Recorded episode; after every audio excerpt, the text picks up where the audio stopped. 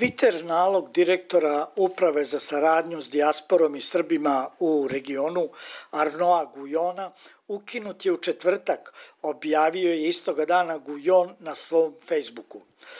Upravo mi je Twitter bez obrazloženja suspendovao nalog na kojem sam imao 34.000 pratilaca.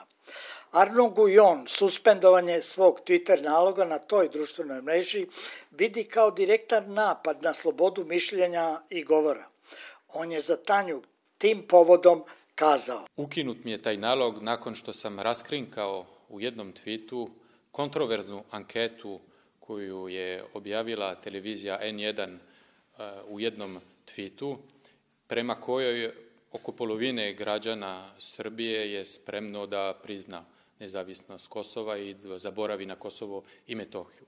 Inače, ta anketa je napravljena u martu ove godine i puštena tek prekjuče u medijima. Ja sam to e, nazvao propagandom, a ne anketom. Ta anketa je napravljena od strane jedne nevladine organizacije koja sarađuje sa stranim vladama i nakon toga Twitter mi je suspendovao naloge. Zanimljivo je to što baš takve nevladine organizacije, baš kao i takvi mediji, su najglasniji kad e, treba da govore o slobodi medija, o slobodi izražavanja i o slobodi mišljenja. Ovo je direktan napad na moju slobodu iz, mišljenja, na moju slobodu govora. Nažalost, to nije prvi put. Prethodnih 18 godina od kada se bavim i humanitarnim radom na Kosovu i Metohiji, od kada govorim o kršenju osnovnih ljudskih prava za Srbe na Kosovu i Metohiji, dešavalo mi se to više puta. Bio sam cenzurisan u pojedinim francuskim medijima. Nažalost, bio sam i cenzurisan u pojedinim srpskim medijima. Bio sam hapšen na Kosovu i Metohiji. Dobio sam i pretnje.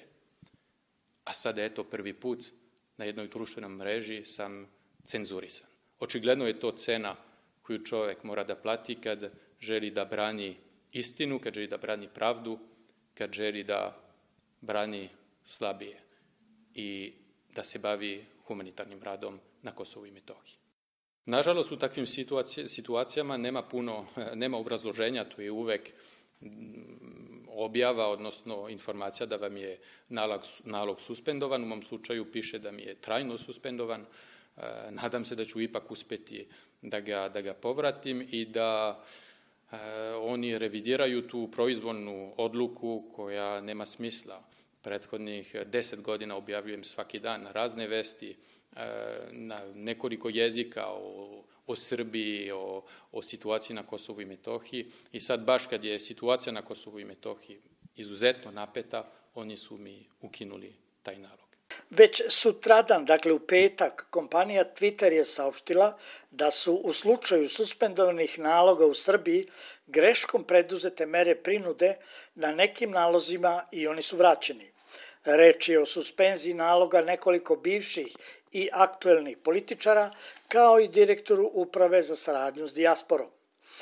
A Ministarstvo spoljnih poslova Srbije saopštilo je juče da su Twitter nalozi ambasada Republike Srbije u Jermeniji, Iranu, Indoneziji, Nigeriji, Zimbabveu, Gani i Kuvajtu kao i generalnog konzulata u Čikagu, suspendovani bez ikakvog obrazloženja ili prethodne poruke kojim bi se ukazivalo na eventualne povrede pravila komuniciranja na toj društvenoj mreži.